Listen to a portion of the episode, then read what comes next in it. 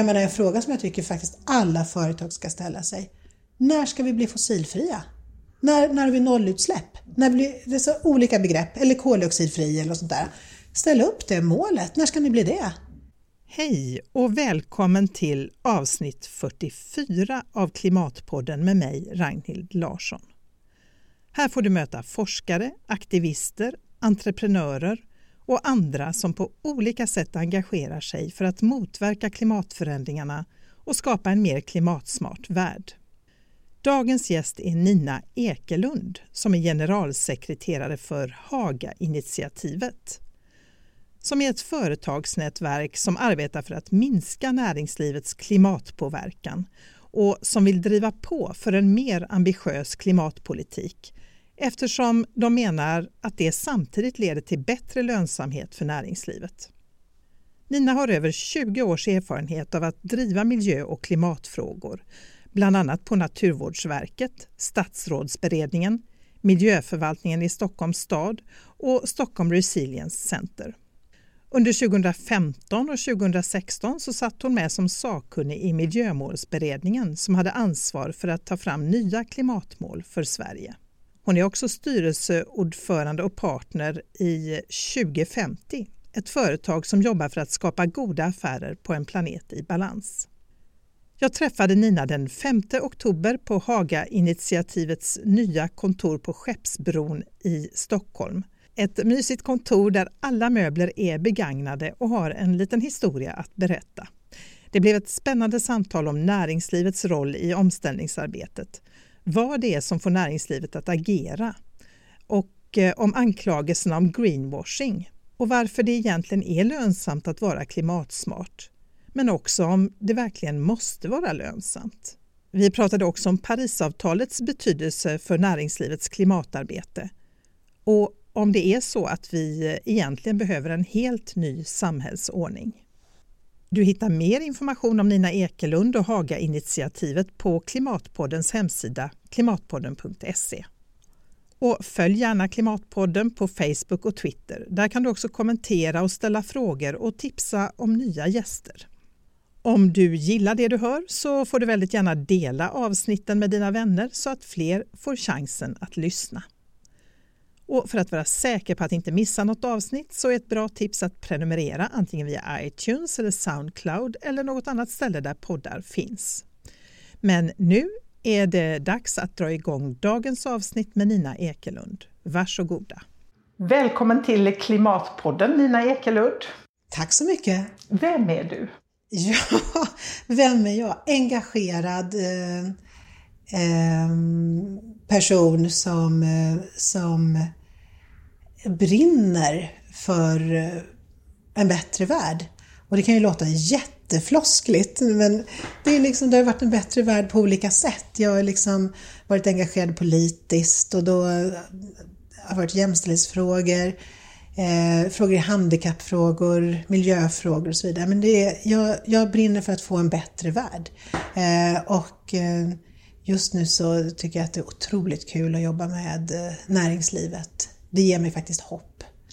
Och vad är det du gör här? För vi sitter här på Haga-initiativet ja. Eh, på ert nya kontor i Stockholm. Och vad är det du gör här? Ja. Eh, ja, det undrar jag också tänkte jag säga. Vi eh, jobbar ju faktiskt med att eh, hjälpa näringslivet att ställa om i hållbar riktning. Och vi sitter ju också i 2050s lokaler och 2050 är ett företag och Haga-initiativet är ett företagsnätverk. Eh, och eh, Haga-initiativet startades upp för sju år sedan. Och det tänker man ibland alltså, men hjälp alltså, har vi funnits i sju år? Det är ju jättelång tid. Eh, men en del tycker att vi har funnits hela tiden. Liksom. Så, eh, och eh, vi började med sju, åtta företag och idag är det 15 företag och vi har några företag på kö. Eh, och hela idén är ett lönsamt näringsliv utan klimatpåverkan. Men, men låt mig hoppa tillbaka bara till första frågan, vem är du? För egentligen så skulle jag kunna säga någonting mer. Jag, jag, jag är en Södermalmstjej som cyklar överallt, som är vegetarian, som, eh, som också eh, pratar flytande teckenspråk wow. eh, för att min son är teckenspråkig. Eh, och så bor vi med våra katter. Eh, det är inte så jättemånga, det lät ju som att vi har en hel kattfarm, eh, men det har vi inte. vi har två stycken. Eh, så att eh, jag tar mig från Södermalm till Gamla stan varje dag eh, och, eh, och trivs med också att vara ute mycket i skogen och röra på mig. Och får jag tid så sticker jag gärna och rider. Det är väl lite mer en beskrivning av mig, som man skulle säga, vad, vem, vem, är du liksom? Ja. Men sen så har jag en otroligt stark drivkraft och, eh, för, att, för, för en bättre värld. Ja. Och hur, hur blev du engagerad i klimatfrågan? Ja, du, jag, jag, faktiskt helt ärligt så skrev en, så, så kom det nog när jag läste, eller när jag började med politik en gång i tiden och samtidigt läste miljövård på universitetet. Och då måste man bara komma ihåg att när jag var en sån här slarver i skolan och eh, eh, pappa och mamma sa men kanske Konsum eller jobba med barn skulle passa dig. För att plugga, det kunde de ju inte se mig framför sig överhuvudtaget. Och så tog jag den första kursen och det var miljövård på universitetet. Och jag har ju inte traskat hem med massor med stora bokstäver eller höga siffror i betyg liksom. Utan helt plötsligt kom jag hem med VG från universitetet. Mina föräldrar var i chock. Det var jag också. Men det var ju så kul, det var ju något som intresserade mig. Och vi fick så otroligt bra föreläsningar just på den här miljövårdskursen. Och sen började jag läsa vidare på universitetet. Så det var verkligen så här, oj, det var tankeväckande. Och samtidigt så gick jag med i politiken, gick med i Kristdemokraterna. Och då fanns inte Miljöpartiet på den tiden, som man kommer ihåg, det var ett annat politiskt landskap.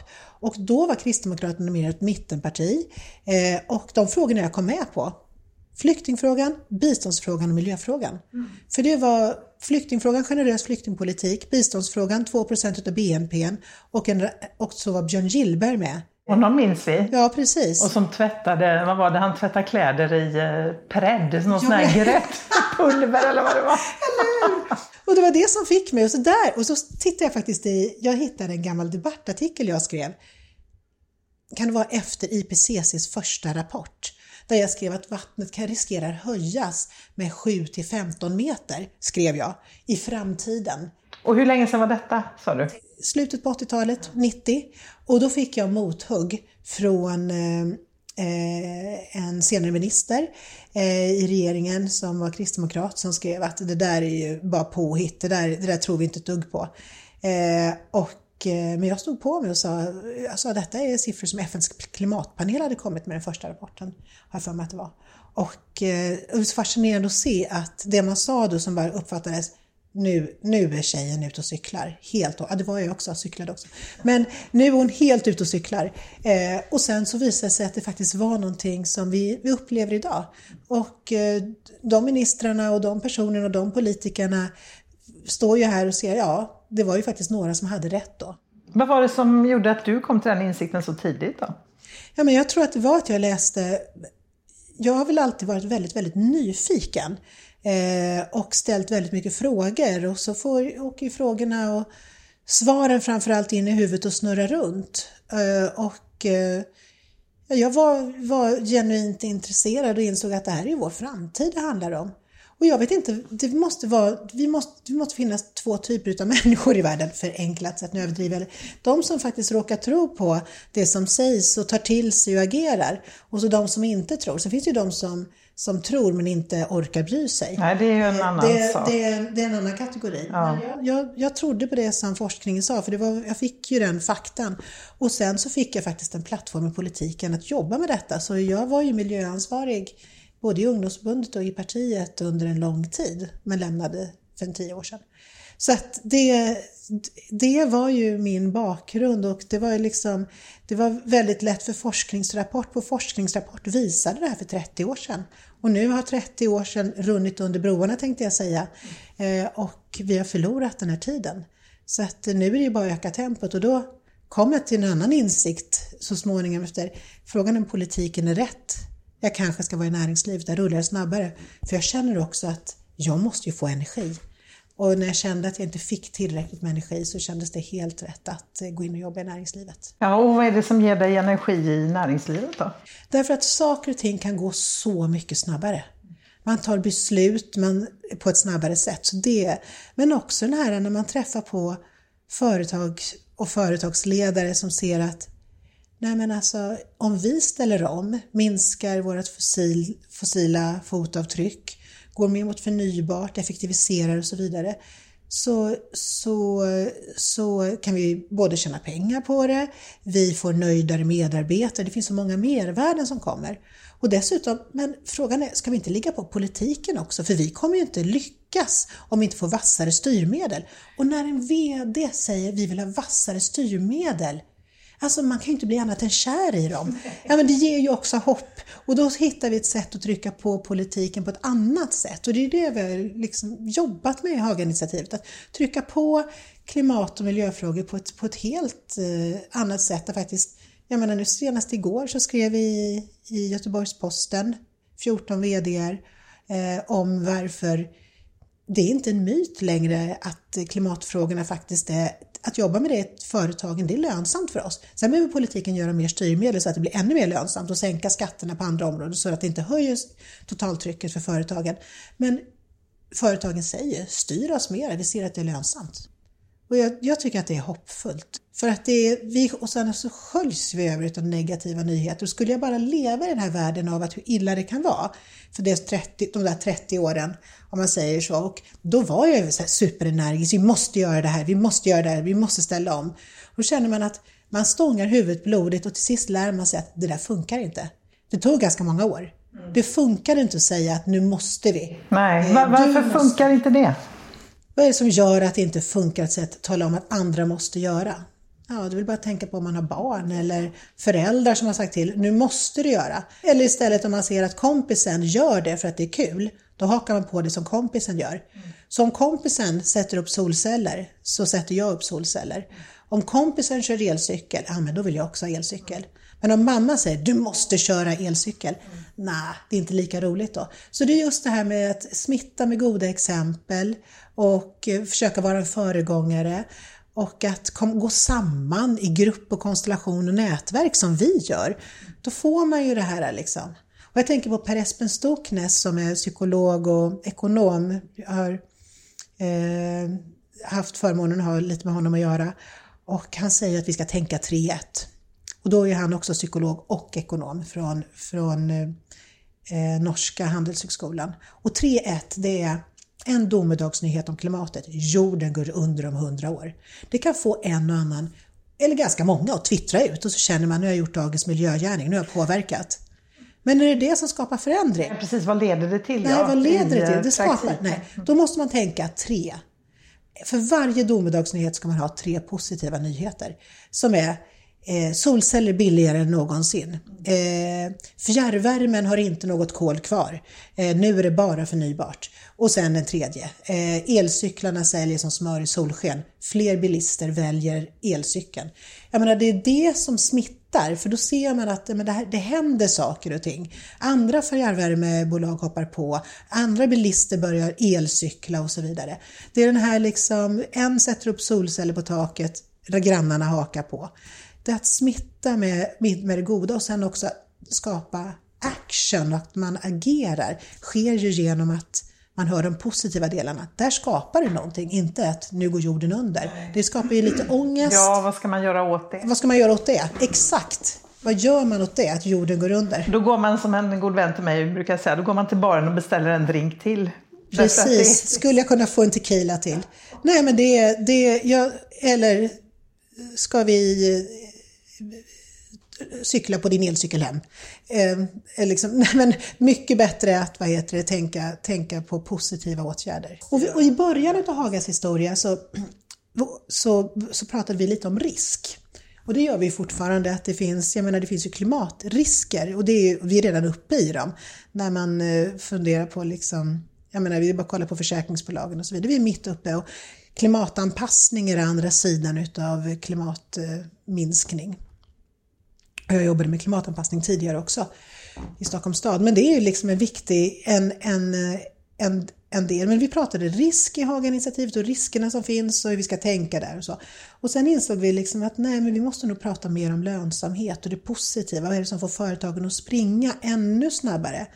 Så risk är viktigt att ha med, men vi lägger ska vi säga, 20% kanske på risk, men 80% på möjligheterna och lönsamheten och pratar om lönsamhet, inte bara pengar på sista raden, utan brett pratar vi lönsamhet, flera andra aspekter.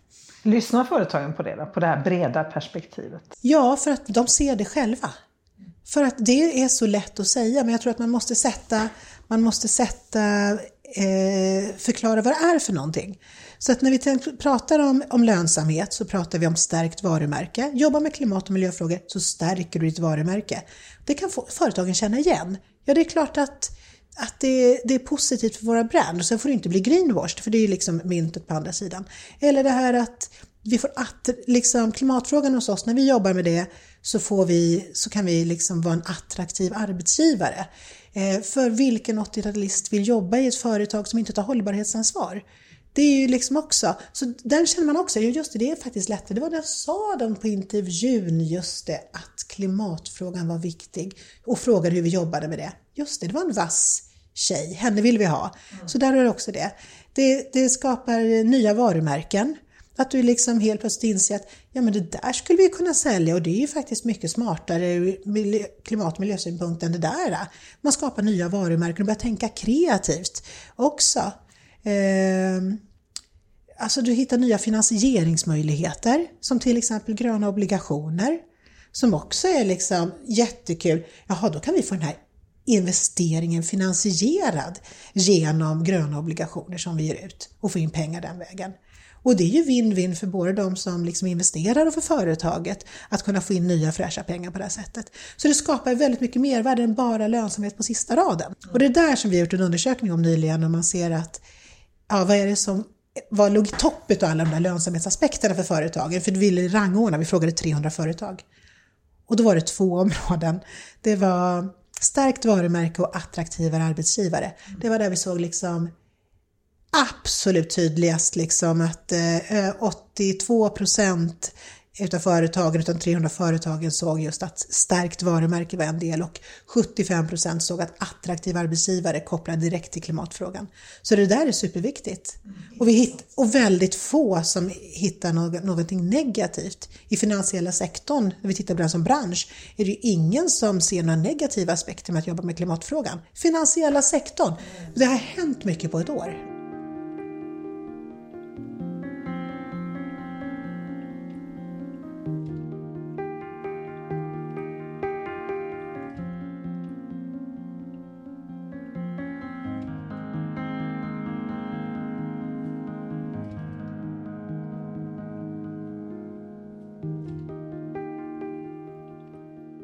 Vad, alltså vilken roll spelar näringslivet då i omställningen?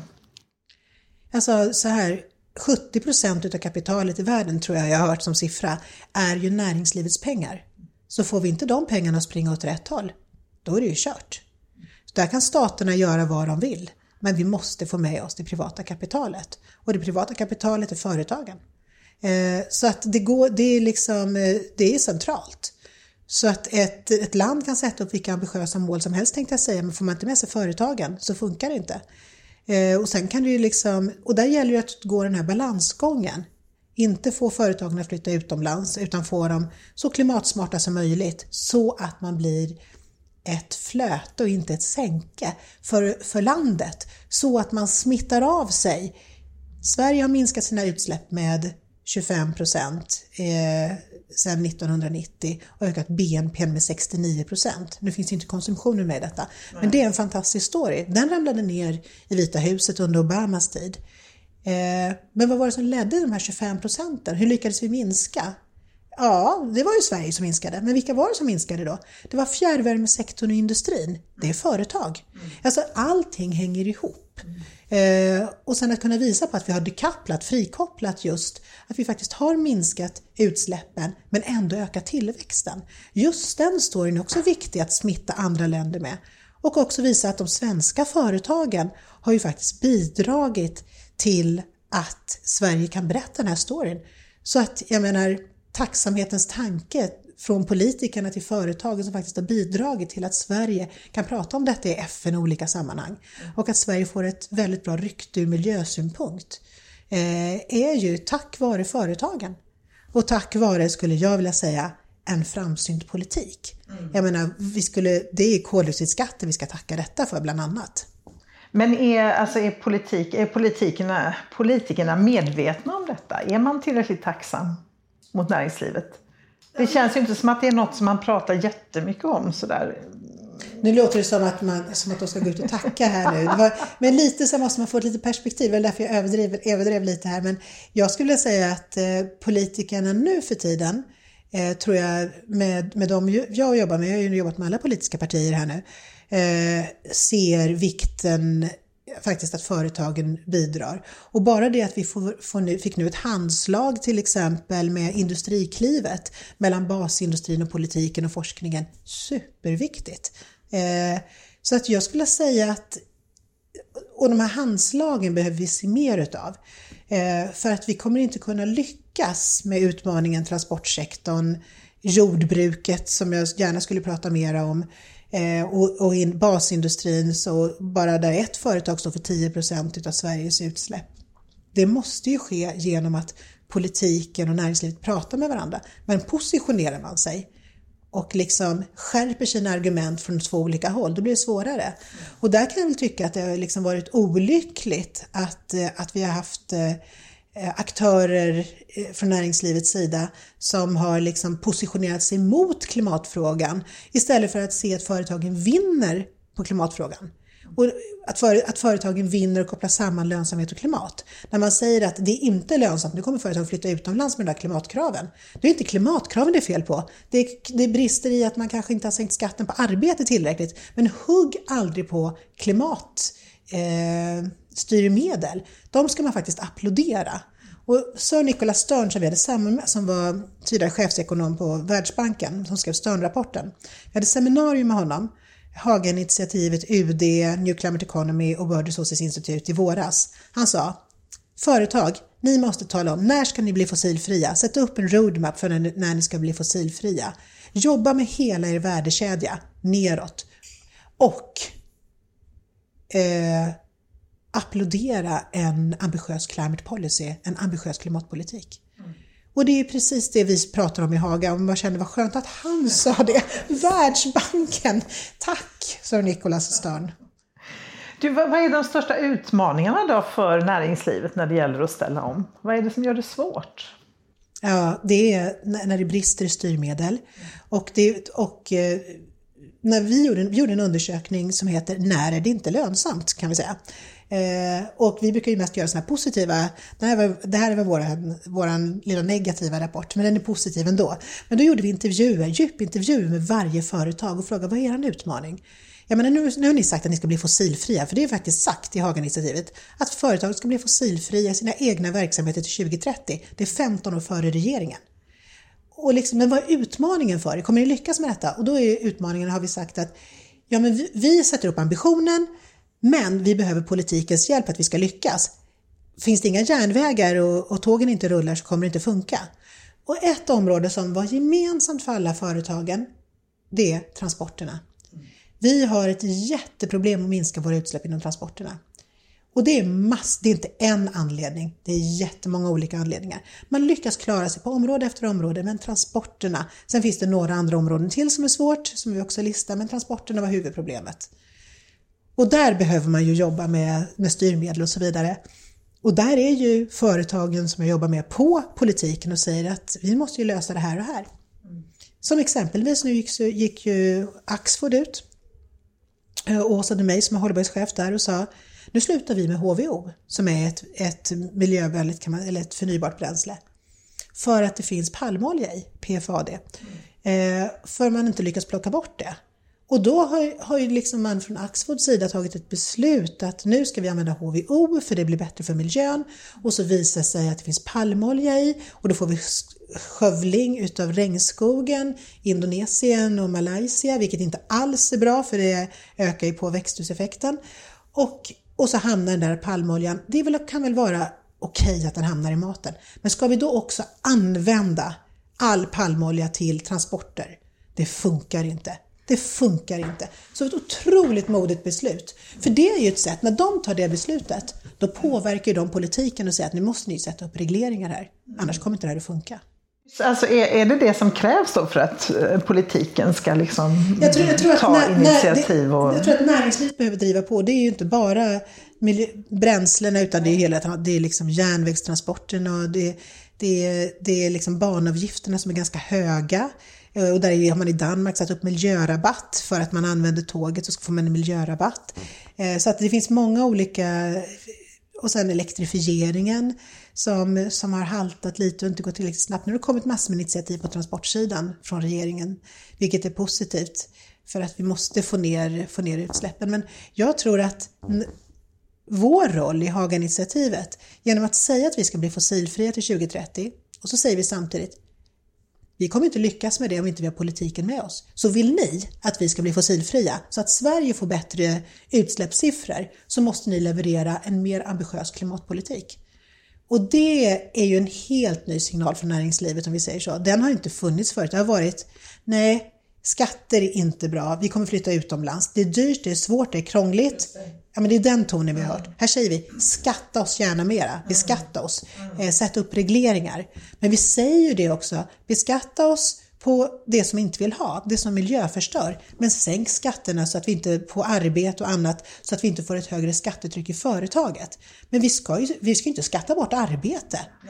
Och hur reagerar eh, politikerna på detta då? Vad, vad blir responsen? Ja, vi hade ett väldigt roligt möte med Magdalena Andersson, finansministern och eh, Mikael Damberg, näringsministern. Och så hade vi kanske med oss åtta VDR och alla satt där utav våra VDR och sa att ja, men vi kommer bli fossilfria till 2030 med er hjälp om ni ser till att tuffare regleringar. Eh, vi, eh, och, och vi vill se de här styrmedlen och vi behöver jobba med de här områdena och sådär. Och, och det var så här som Magdalena sa, ja det är inte alla i näringslivet som låter som ni, men det är otroligt befriande att höra vad ni säger. Eh, ni behöver nog få med er fler av era kamrater i näringslivet. Och det är det vi jobbar med, för att genom att ständigt tala om att jobba med klimat och miljöfrågor, det finns en uppsida, en lönsamhetsuppsida. Och när vi gjorde undersökningen med 300 företag så ger det ett styrkebesked att det här är inte kostnader längre. Det här att jobba med klimat och miljöfrågor, det skapar jobb i ditt företag, det stärker tillväxten och för Sveriges del så ger det ju en ökad välfärd och det stärker oss konkurrensmässigt. Så att den där storyn, att försöka nöta in den hos företag och också vilket företag vill inte vara en, en, en eh, samhällsaktör, en positiv samhällsaktör. Eh, för att det är det man blir när man får vara med och skapa någonting och vara med och liksom, ska jag säga, rädda planeten. Mm. Det vill man ju gärna vara och det har varit lite fult och, och liksom, nu ska vi bara tjäna pengar, har det varit eh, lite utav en, en ton. Men företagen vill ju också vara, vara en nyttig samhällsaktör och eh, bidra med samhällsnytta. Mm. Eh, och där är det det där är, är jättekul för jag ser att företagen går igång på det. Vi bidrar med samhällsnytta här. Och det, det skapar ju mening för, för företaget och alla anställda och också gentemot kunder såklart. Mm, verkligen. Ja, det är väl snarare så att de som inte inser detta är ju förlorade. På och något vi ska sätt villigt erkänna att alla inser inte detta. Nej. Företaget 2050 gjorde en undersökning av alla börsbolagen. Eh, och Eh, de, inte alla börsbolagen, large cap, de stora bolagen, 79 företag. Eh, och, eh, och så kollar man klimatredovisar ni? Tar ni med hela leverantörskedjan? Och det var ett antal sådana frågor. Har ni mål att ni ska bli fossilfria och så vidare? Och utav de här 79 företagen så var det faktiskt en 15, 16, 17 företag som verkligen inte hade förstått frågan. Eh, och vi la inte ut dem, eller det lades inte ut på nätet vilka de det var. De hamnade inte på en svart lista. Däremot fick de ett mejl alla, eh, att ni har hamnat på den här listan och det är bäst att sätta igång och jobba med det här nu. Eh, men för just konfrontation och hänga ut och sådär är väl inte heller någonting som, som, som eh, man skulle, det kliar i fingrarna och jag förstår journalister skulle gärna vilja veta vilka ja, är de här 15 företagen. Oj, oj, oj, de vill vi hänga ut. Men, men att få dem att, att agera ändå är ju, är ju bra. Så kan man nästan räkna ut vilka det är som, som är emot om man bara tittar på listan. Mm. Vad, vad, är, vad är orsaken då till att man är så trög i det här och inte fattar? Den, den lilla, lilla gruppen som inte förstår, eh, det, det, jag tror att man inte, att man, eh, ja, you tell me tänkte jag säga. Ja, men det måste vara att, att man har lite fastnat eh, och inte fått till sig kunskapen. Mm. För jag menar, vem som helst som öppnar tidningen idag. Dagens Industri för tre fyra år sedan hade ingenting om klimat och miljö i sig. Idag så så har de krönikörer som skriver om klimat och miljöfrågor. Varje nummer har de skrivit någonting om klimat. De har en fantastisk ledarskribent i PM Nilsson som driver klimat och flera också andra där som driver klimatagendan ur näringslivsperspektiv. Det är ju liksom den stora näringslivstidningen i Sverige har till och med svängt om. Så att det är ju väldigt svårt, men då måste det vara så att man har satt upp ett raster, jag läser inte det, hoppar Nej. över det, jag läser inte det. Och, och också att man tillhör kanske, jag har fått till mig kunskapen, men vad betyder det här för mig? Ja, alltså jag tar inte till mig. Nej, och det vet man ju också från forskning att fakta hjälper ju inte alltid, Nej. tyvärr. Nej, och då, och då får man bara konstatera att det är några som är lost och de kommer i så fall antingen, ja, ställer de inte om företagen nu så kommer de förlora senare. Och då kanske de spurtar på slutet. Men eh, det, det, är, det är några som inte tar till sig frågan och det är bara, men det är det stora, det är liksom inte, det är inte den stora mängden tack och lov. Nej. Sen är det ju de som jobbar på lite sakta kan jag ju tycka. Som, som skulle kunna göra mer. Skulle kunna göra mer. Jag menar en fråga som jag tycker faktiskt alla företag ska ställa sig. När ska vi bli fossilfria? När, när har vi nollutsläpp? När blir det så olika begrepp, eller koldioxidfri eller sånt där. Ställ upp det målet. När ska ni bli det?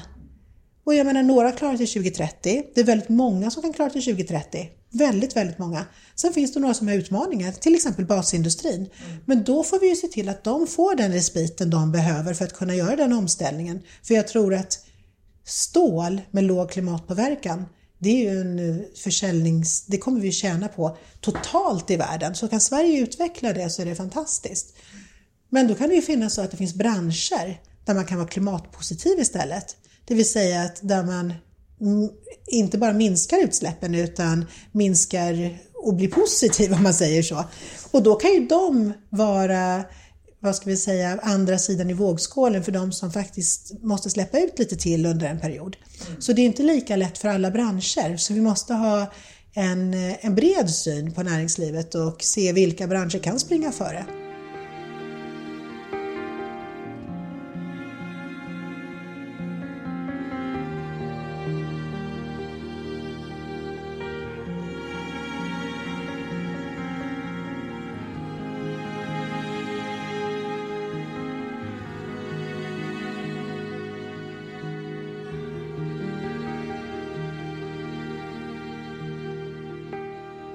Hur är det med jordbrukssektorn som du var inne på lite förut? Ja, och det, det, det här, jag, jag, jag blir faktiskt personligt upprörd tänkte jag säga, när jag tänker på hur vi slarvar på det området eh, ur olika aspekter. Men först kan vi bara tänka ur klimatperspektiv så vet vi att norra Afrikas klimat hamnar nu i södra Frankrike, Spanien, Italien, i korn, vetebodarna, grönsaksbodarna och så vidare som har försörjt hela Europa med, med, med grödor. Mm. Och de får ett varmare klimat och de kommer att ha svårare att eh, hantera. Samtidigt vet vi då att vi får ett klimat som, eh, som, vi, som är varmare.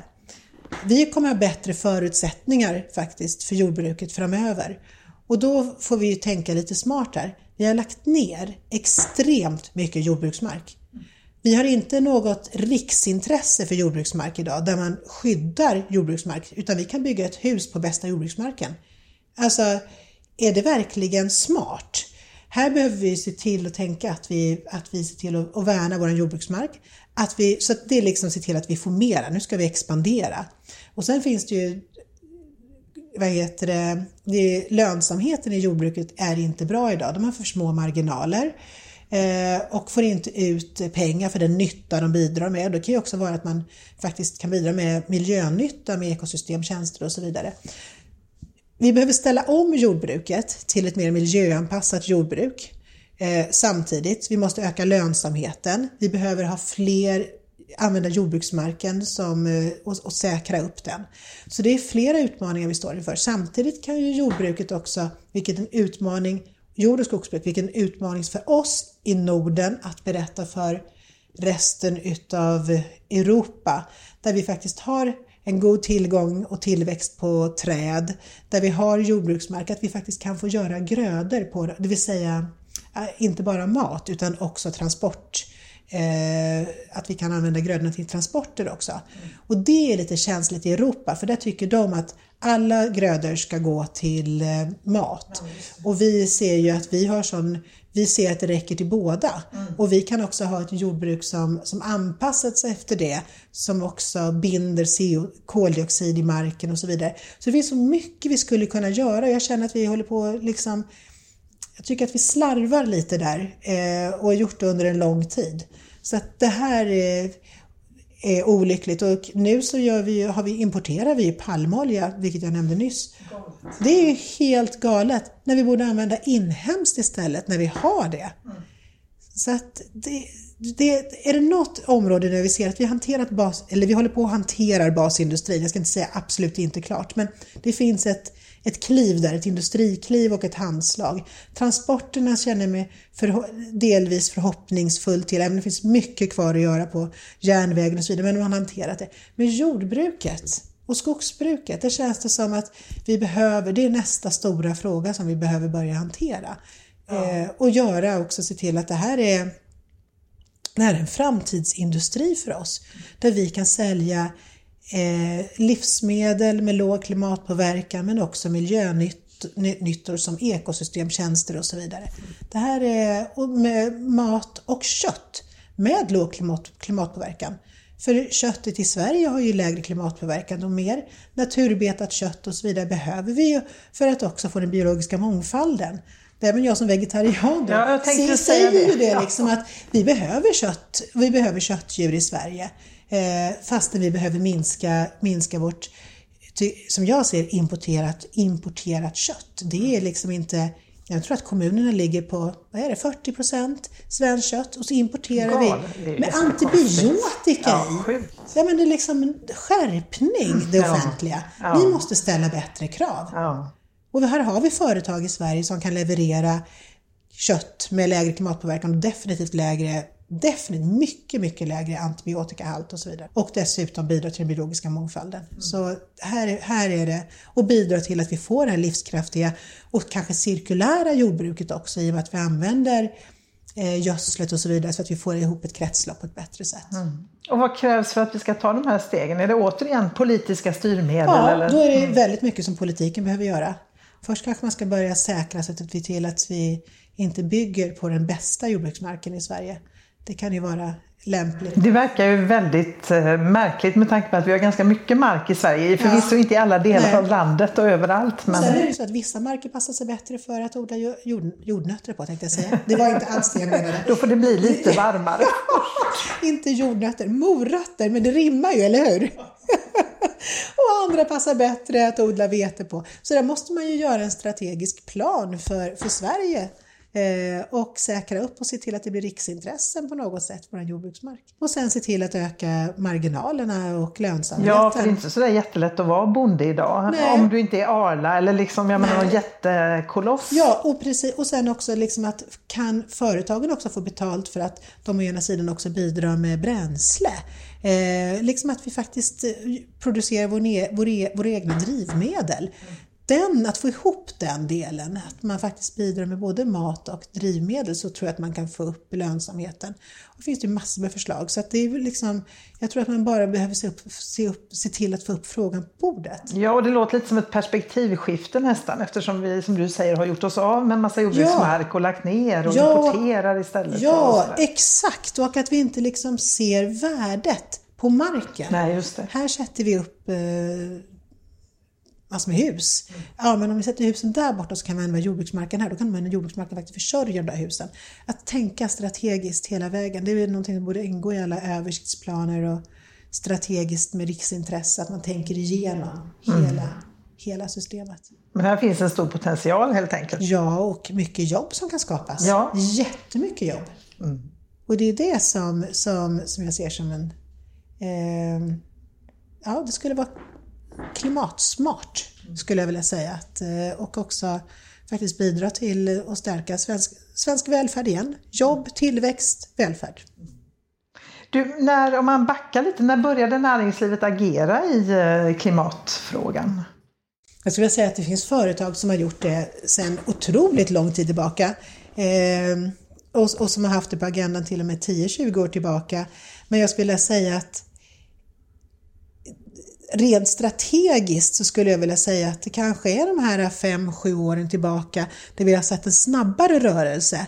Eh, och eh, en undersökning som, som gjordes var ju också från 2050, det var ju en, när, vi, när eh, eh, samma undersökning som jag nämnde nyss när man kollade på hur många som klimatredovisar. Då var det för tre år sedan så var det utav börsbolagen så var det en av fyra företag som klimatredovisade. Och nu i höstas så var det tre av fyra. Och vad är det som har hänt däremellan? Ett Parisavtal. Och då, och då är min spaning att faktiskt att Parisavtalet tillsammans med finansieringen som också kom, det var ju 2015 var det tre stora beslut. Det var finansieringen, Parisavtalet och man tog beslut om Sustainable Development Goals, de, de nya hållbarhetsmålen i FN. Tre viktiga beslut där världsledare träffades tre gånger och tog vassa eh, beslut. Hur ofta har det hänt? Sällan skulle jag vilja säga. Och det var just på miljöområdet. Det skickar oerhört starka signaler hela världen över. Och när man ser bilderna som alla, jag menar, kan vi, har någon missat Parisavtalet nu liksom? Det är inte, länder efter länder var där liksom och bekräftade att vi står bakom Parisavtalet.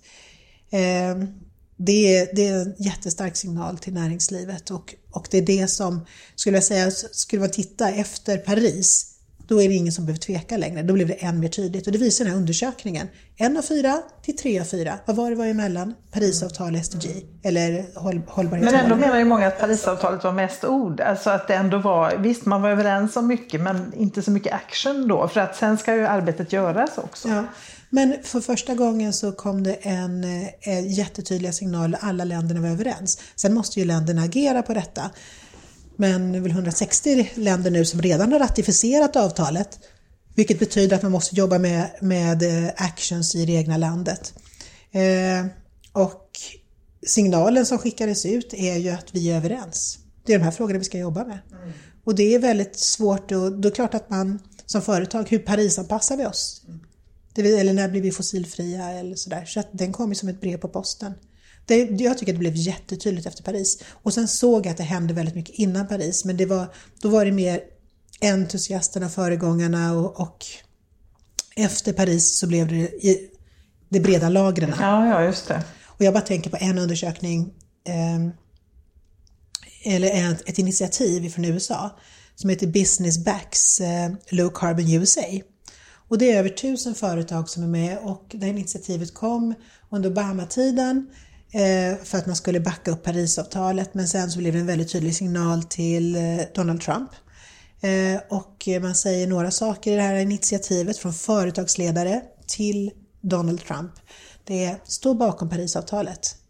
Eh, arbeta med eh, low carbon policies, med, med, med politik som leder åt rätt håll och se till att vi får investeringar också.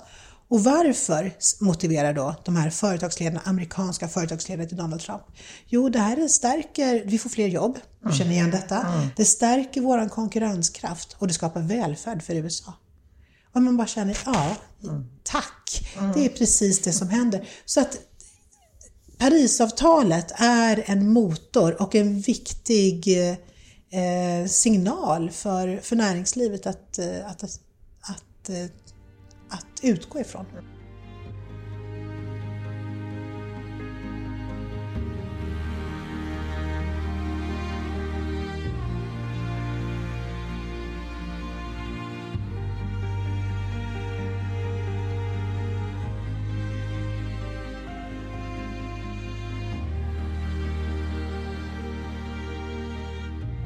Du, alltså måste det vara lönsamt att vara klimatsmart? Nej, är svaret. Det är inte alltid lönsamt. Men det är oftast kul. och grejen är den, man kan prata om lönsamhet på kort och lång sikt. Jag skulle säga att det mesta är lönsamt på lång sikt. Mm. Men på kort sikt, måste det vara lönsamt? Nej, det måste det inte. Men då krävs det modiga det, ledare. det- ja, modiga verkligen. ledare. Och det är så härligt att höra att nej, vi ser inte att det här är lönsamt, inte, inte närmaste året, nej inte de närmaste åren. Men vi bedömer att vi kommer vinna på detta i, på lång sikt. Och det där, det tycker jag är så härligt, får man säga klimatledarskap. Eh, men det är ledarskap verkligen. För att då ser man eh, bortanför kvartalsrapportering och så vidare och har ett, ett långsiktigt mål och ser att det här är en viktig del i, i omställningen. Att våga ta de besluten är modigt. Så att absolut, undersökningar visar att det mesta är lönsamt på lång sikt. Det kan jag bara liksom från undersökning efter undersökning. Sen finns det ju, men på kort sikt så kan det både vara utmaningar men också lönsamt. Sen finns det ju bara att konstatera, det finns företag som är förlorare. Jag menar, Facit försvann ju för att vi fick datorer och inte använde skrivmaskin längre. På samma sätt kommer det vara andra branscher som kommer slås ut. Men vi kommer att få nya branscher. Så som, och det är ju bara insett, nya branscher kommer att komma. Vad, alltså en del menar ju då att vi måste helt ställa om. Vi måste ha en ny samhällsmodell. Eh, bland annat Naomi Klein som har skrivit den här boken Det här förändrar allt, this changes everything. Vad, vad, hur ser du på det? Jag tror att ibland så kan det skrämma upp folk när man säger en sån sak. Vi behöver en ny, vi kan inte göra det här och vi kan inte göra det här. Jag skulle säga att vi vi kan göra allting. Men, men vi måste göra det på ett annat sätt. Och jag, jag menar, jag tänker liksom så här. Vi, vi märker inte att vi är inne i en transformation alltid. Utan när man säger att detta förändrar allt så blir det som vi, vi gör transformationer hela tiden. Tänk dig själv tio år tillbaka. Du hade ingen smartphone. Och helt plötsligt så har du, är du varit med i den här transformationen att du nu har en smartphone. Och att eh, det, Och är helt beroende av Ja, den. Du, du säger det, ja. Precis. Men det var för tio år sedan. hur överlevde Eller tänk, tänk dig 25 år sedan, innan mobiltelefoner fanns. Där man var tvungen att gå till en telefonkiosk och ringa hem till någons mamma och fråga, har den personen åkt in till stan eller inte? Nej, men jag väntar en timma till. Eller vad gör man liksom? Jag sätter mig i trappen. Men, det, det, det är klart att vi, vi är med om en transformation och det är inte någonting som vi mådde dåligt utav. Och den transformationen vi är inne i just nu. Till exempel att vi får mer förnybart och eh, använder mindre energi. Det bidrar till renare luft. Eh, det bidrar till, till minskade utsläpp och sådär. Hela transformationen inom transportsektorn där jag tror att vi kommer bygga städer på sikt lite annorlunda. Det kanske är tätare, det är mycket mer grönt som vi knör in och bygger klär längs husen och, och eh, vi kommer cykla på ett helt annat sätt. Cykel, det är ju bara att kolla nu när jag cyklar vid Slussen. Det är fler cyklar än bilar. Så såg det inte ut för tio år sedan. Och är det någon som mår dåligt av det? Nej, för att det, det, det, bidrar till hälsa. Folk blir gladare av att få vara ute i, i friska luften och röra sig och blir mindre frustrerade av att sitta i bilköer. Jag menar, och det är en transformation som bara händer, den är inte jobbig. Så att jag skulle prata om de här transformationerna är inte så jobbiga utan vi bara är med om dem, de bara händer. Eh, och, och men däremot måste de kanske ske, ske snabbare och jag tror också att vi klarar av snabbare förändringar nu. För att jag tror att vi, det var svårare med snabbare förändringar under jordbrukssamhället. Oj, nu, nu kom bilen, vad ska jag göra med Brunte? Eh, liksom, de där förändringarna var, var, var vi var inte förändringsbenägna på samma sätt, men jag tror att vi blivit mer snabbare och mer förändringsbenägna i, med tiden. Så att jag tror att vi kommer kunna klara av snabbare förändringar. Mm. Men vissa förändringar måste väl ändå bli lite jobbiga, som det här att vi ska flyga mindre till exempel. Ja, eh, det finns några som jag ska säga som knäckisar. Flyget och konsumtionen. Här sitter jag med mina avlagda gamla byxor som är 15 år gamla, 70-talsbyxor här. Men jag tror så här att det, om vi, om vi tar flyget först, så på, på, sikt, på kort sikt så, så är det bara att inse att vi, vi, vi, det finns ingen ersättning, vi behöver dra ner. Sen är det vissa resor, det finns en positiv aspekt av resor, det är att vi faktiskt får en förståelse för andra kulturer och det, det minskar främlingsfientlighet. Och vi behöver mindre främlingsfientlighet för att kunna också skapa sunda samhällen och handel och så vidare. Så det där, det finns en, men tänk om vi kunde skippa och dra ner på, på, på onödiga resor. Då vet alla, behöver jag verkligen den här resan? Ställ dig frågan, behöver jag den här resan? Den, den, den, den skulle jag liksom... Och sen i Sverige så, jag menar i det företaget jag jobbar på så har vi som policy att inte flyga i Sverige. Mm. Och ska vi flyga så behövs det styrelsebeslut på det, alltså omvänt. Att inte det blir legio eller det Nej, normala att flyga? Bara att tänka om mm. lite där. Mm. Och sen så måste ju vi se till att bygga upp då järnvägen och få en Shinkansen, det vill säga snabbtåg också i Sverige. Ja, men jag menar, kineserna, nu någon som sa till mig att det är så många som bor där. Ja, men vi, vi skulle nog kunna lyckas. Lyckades vi bygga järnvägen för hundra år sedan så ska vi nu kunna bygga snabb järnväg här också. Så att, och det behövs ju. Och sen så vet vi att nu finns det ju flera aktörer som Airbus och Siemens som jobbar med att få elflygplan i passagerartrafik till 2030. Jag menar, det är helt okej, okay, för det ger inte någon klimatpåverkan. Biobränsle i flyget, ja, det, det är positivt i Sverige för att vi flyger på låg höjd. Eh, men fortfarande om du biobränsle på hög höjd så får du fortfarande en klimatpåverkan. Så att det, där är inte, det är inte svart eller vitt att säga att vi kan, bara jag köper biobiljetter så har jag löst det. Så det och sen har vi konsumtionen. Och det är ju, det är ju, ja, det, det är ju bara att eh, försöka tänka på att den största delen när vi konsumerar, till exempel mat, slänger vi. I en tredjedel försvinner väl upp till en halv, eh, upp till hälften försvinner i hela ledet. Skulle vi bara kunna tänka liksom att vi inte ska slänga mat och så vidare. Eller att när vi köper en tröja använder den minst 50 gånger. Det finns undersökningar som visar att vi kanske använder tre gånger, sen slänger vi den. När vi väl slänger någonting, se till att vi återvinner eller återanvänder. Vi sitter ju nu i ett kontor där det är som policy att återanvända. All, liksom, vi köper bara second hand-möbler. Sen kanske man någon gång, och då är det undantag, då tar vi beslut om vi ska köpa nytt eh, för att det inte finns. Det som ser lite nytt ut här inne det är second hand liksom. Och jag sitter i en jättefin orange eh, fåtölj från 70-talet. Ja, Väldigt bekväm. Ja, snurrmöjlighet på den också. Ja. Eh, och jag sitter i mammas svarta gamla fåtölj från 50-talet. Ja. Eh, nej men det, det, alltså det, vi, vi måste börja tänka på, att, eh, på, på resurser på ett helt annat sätt. Och där är det bara för var och en att börja och se till att företaget sätter upp policies. Som vi har gjort på flyg och på second hand. Det är liksom bara att börja någonstans. Mår vi dåligt av våra second hand-möbler? Nej, tvärtom. Vi får positiva kommentarer. Folk blir glada, får lite nostalgikänsla när de ser vårt knallgröna köksbord i köket. Eh, och folk, blir jätte, folk som kommer på besök blir glada över våra second hand-muggar med sån här härligt 70-talstryck på. Eh, eller 50-talstryck. Eh, så att det, inte, det, det, kostar inte på faktiskt, utan det, det, jag tror att vi alla kan hjälpas åt till att eh, tänka lite smartare tillsammans. Det är inte jobbigare. Nej. Du, ibland så, eh, det har ju hänt eh, att Haga-initiativet har anklagats för att ägna sig åt greenwashing, mm. att hjälpa företagen mm. att liksom framstå som bättre än de är. Vad, vad tänker du om det? Eh, jag, menar, jag tror att det är jätteviktigt att man pratar om greenwash i företagen för det sker ju löpande och sådär. Men vi, vi, greenwash är när man säger att man gör någonting som man, som man inte gör om man säger så att man framstår som bättre. Och vi har inte sagt att vi är bäst i klassen. Vi, vi, har sagt att vi ska minska utsläppen med, först har vi 40 procent till 2020 och sen så gick det så bra att minska utsläppen och det kan vi bara kolla i bokslut att vi lyckades minska utsläppen. Eh, vi har bidragit med 2 procent av Sveriges totalt minskade utsläpp, eh, bara 15 företag. Eh, och, och då sa vi, då sätter vi upp att vi ska bli fossilfria till 2030. Och, och det är liksom inte någon greenwash i att vi har satt upp mer ambitiösa mål, det bara är så för att vi såg att det var enkelt. Och sen då så, för det var den kritiken vi fick, och så fick vi kritik att vi inte jobbade med eh, skop 3, alltså det vill säga leverantörskedjorna.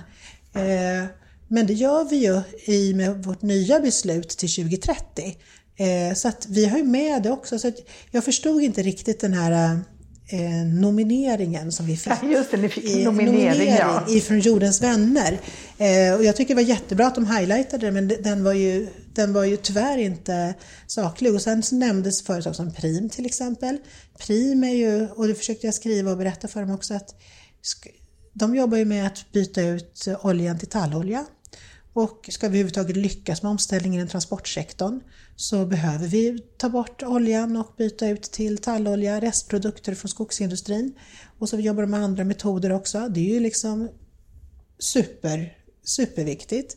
Och sen så fick eh, McDonalds kritik också, och nu nämner jag några företagare då, men, och de fick kritik för att de inte hade tillräckligt, de har för mycket kött, eller de har kött. Och de ligger ju på, de har ju 30% som eh, inte är kött liksom. Som de, de ju, jag tror att de är bäst i branschen faktiskt och det finns andra som, som inte har kommit upp i de nivåerna. Så att, men de går inte ut och pratar om det. Eh, men, eh, så att jag kände att det, för Haga-initiativets del, där vårt mål är att knuffa politiken framför oss för att vi ska kunna lyckas minska våra utsläpp, så ser inte jag, jag såg inte den direkta greenwashen där. Jag, vi har inte sagt att vi är bäst och vi har inte, och eh, företagen berättar varför de inte lyckas. Det är bara att läsa våra rapporter. Vi har inte lyckats på det området på grund utav mm. att politiken eller det eller det eller det.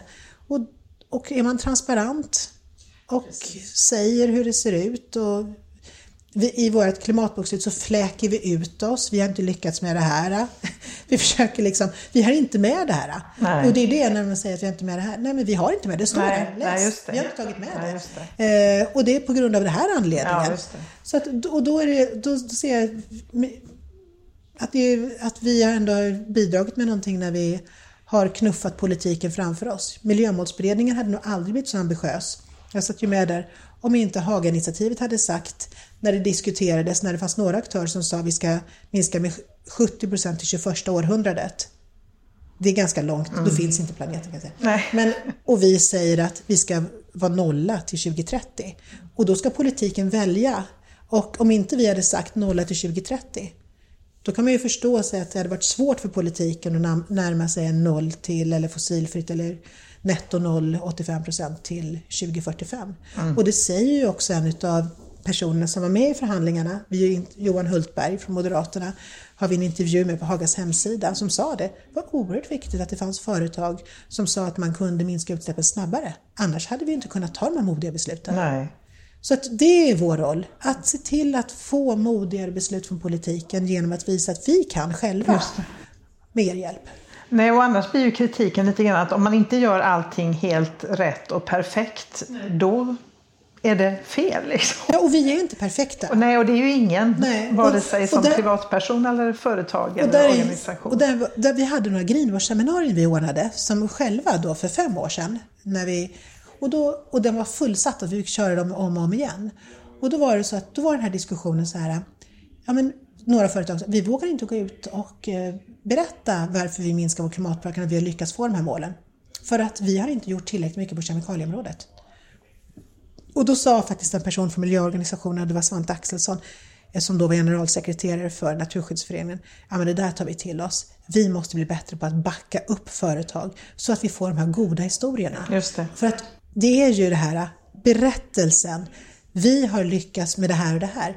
Och att inte få berätta det för att man inte har lyckats med detta. Med allt, nej, nej det, är ju, det, det, det liksom blir väldigt bakvänt. Är ett jätteproblem.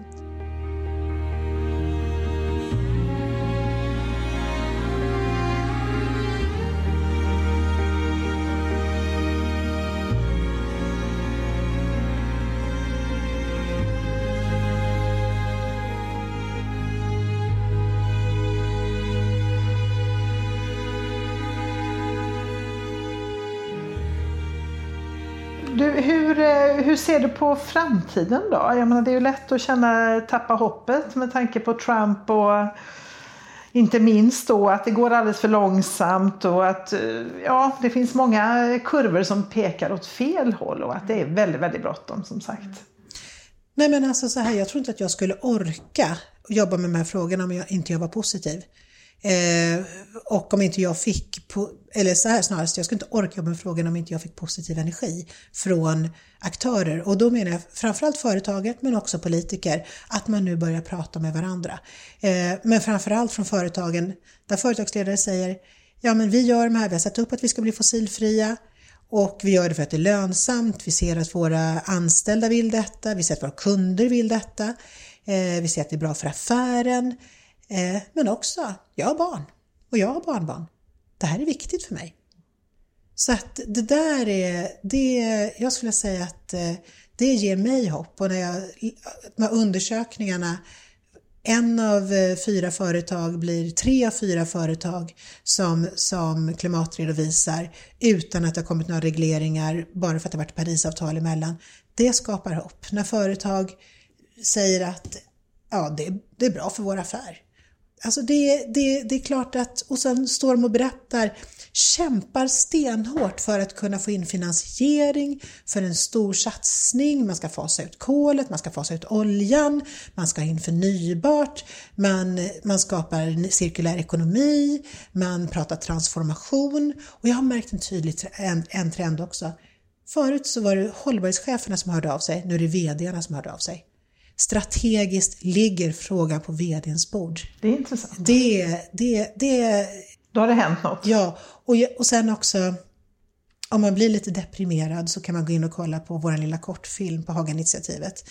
Det låter som att det är en bästsäljare, men det, det är nästan det. Jag skrev det till vdarna häromdagen. Men det är faktiskt så att där ligger vd med fika och då har vi tio politiker Eh, i Almedalen i somras där Damberg och Karolina Skog, det vill säga näringsminister och miljöministern och tio och några andra politiker intervjuade våra VDR. Allt om klimat och miljöfrågor. Och så fick de svara. Liksom, det var politikerna som frågade och VDarna svarade. Och det var så roligt. Det var, liksom, det var sån engagemang och sån entusiasm och de svarade liksom ja men vi gör det här. Och så vänder de tillbaka, men ni i politiken, ni behöver stötta oss mer, vi behöver vassare styrmedel om vi ska lyckas med det här. Alltså det, det, den kan vara kul om man vill ha lite så här snabb eh, pepp. Ja. Men det är faktiskt, och när det kommer fram unga människor och säger så här bara, jag har varit bedrövad, 80% har klimatångest av ungdomarna. Mm. Och det är den största orosfrågan inom SOM-undersökningen, 49% oroar sig för klimatfrågan, ligger överst på oroslistan för den stora, stora undersökningen med 20 000 som är tillfrågade 2016. Då är det klimatfrågan. Men när folk kommer fram och säger, men så skönt att höra vad ni gör i näringslivet och att det faktiskt händer. Det, det ger mig hopp. Jag trodde inte att det hände någonting. Och jag, jag kan väl säga en, en, egen mätning jag har gjort, jag har aldrig varit ute och pratat så mycket som nu. Det kan jag se personligen liksom, att det, vi är ute och pratar jättemycket om, om Haga och vi är ändå ett litet slimmat, smalt, litet nätverk bara med 15 företag. Mm. Men ändå så, så ger det effekt. Eller när nu, vad heter det, Isabella Lövin och jag skrev en debattartikel i Huffington Post och liksom försöker sprida den svenska storyn, just det här med politiken och näringslivet tillsammans. Mm. Att det faktiskt, eh, företagens lönsamhet och koldioxidskatt och styrmedel har faktiskt påverkat. Det här liksom att det faktiskt finns det här samarbetet.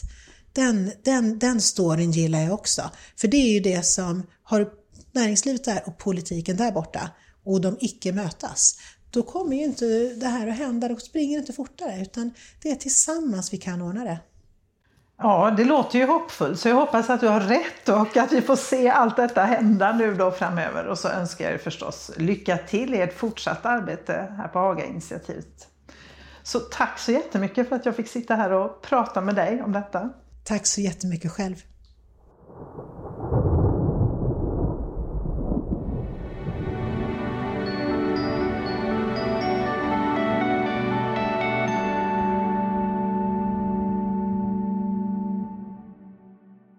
Du har lyssnat på Klimatpodden som produceras av Konvoj Produktion. Gäst i dagens avsnitt var Nina Ekelund. Du hittar mer information om Klimatpodden och dagens avsnitt på hemsidan klimatpodden.se. Signaturmelodin är skapad av Tommy Kaså och loggan till Klimatpodden är gjord av Hannes Larsson. Musiken i dagens avsnitt är Naming Stars av Chad Lawson.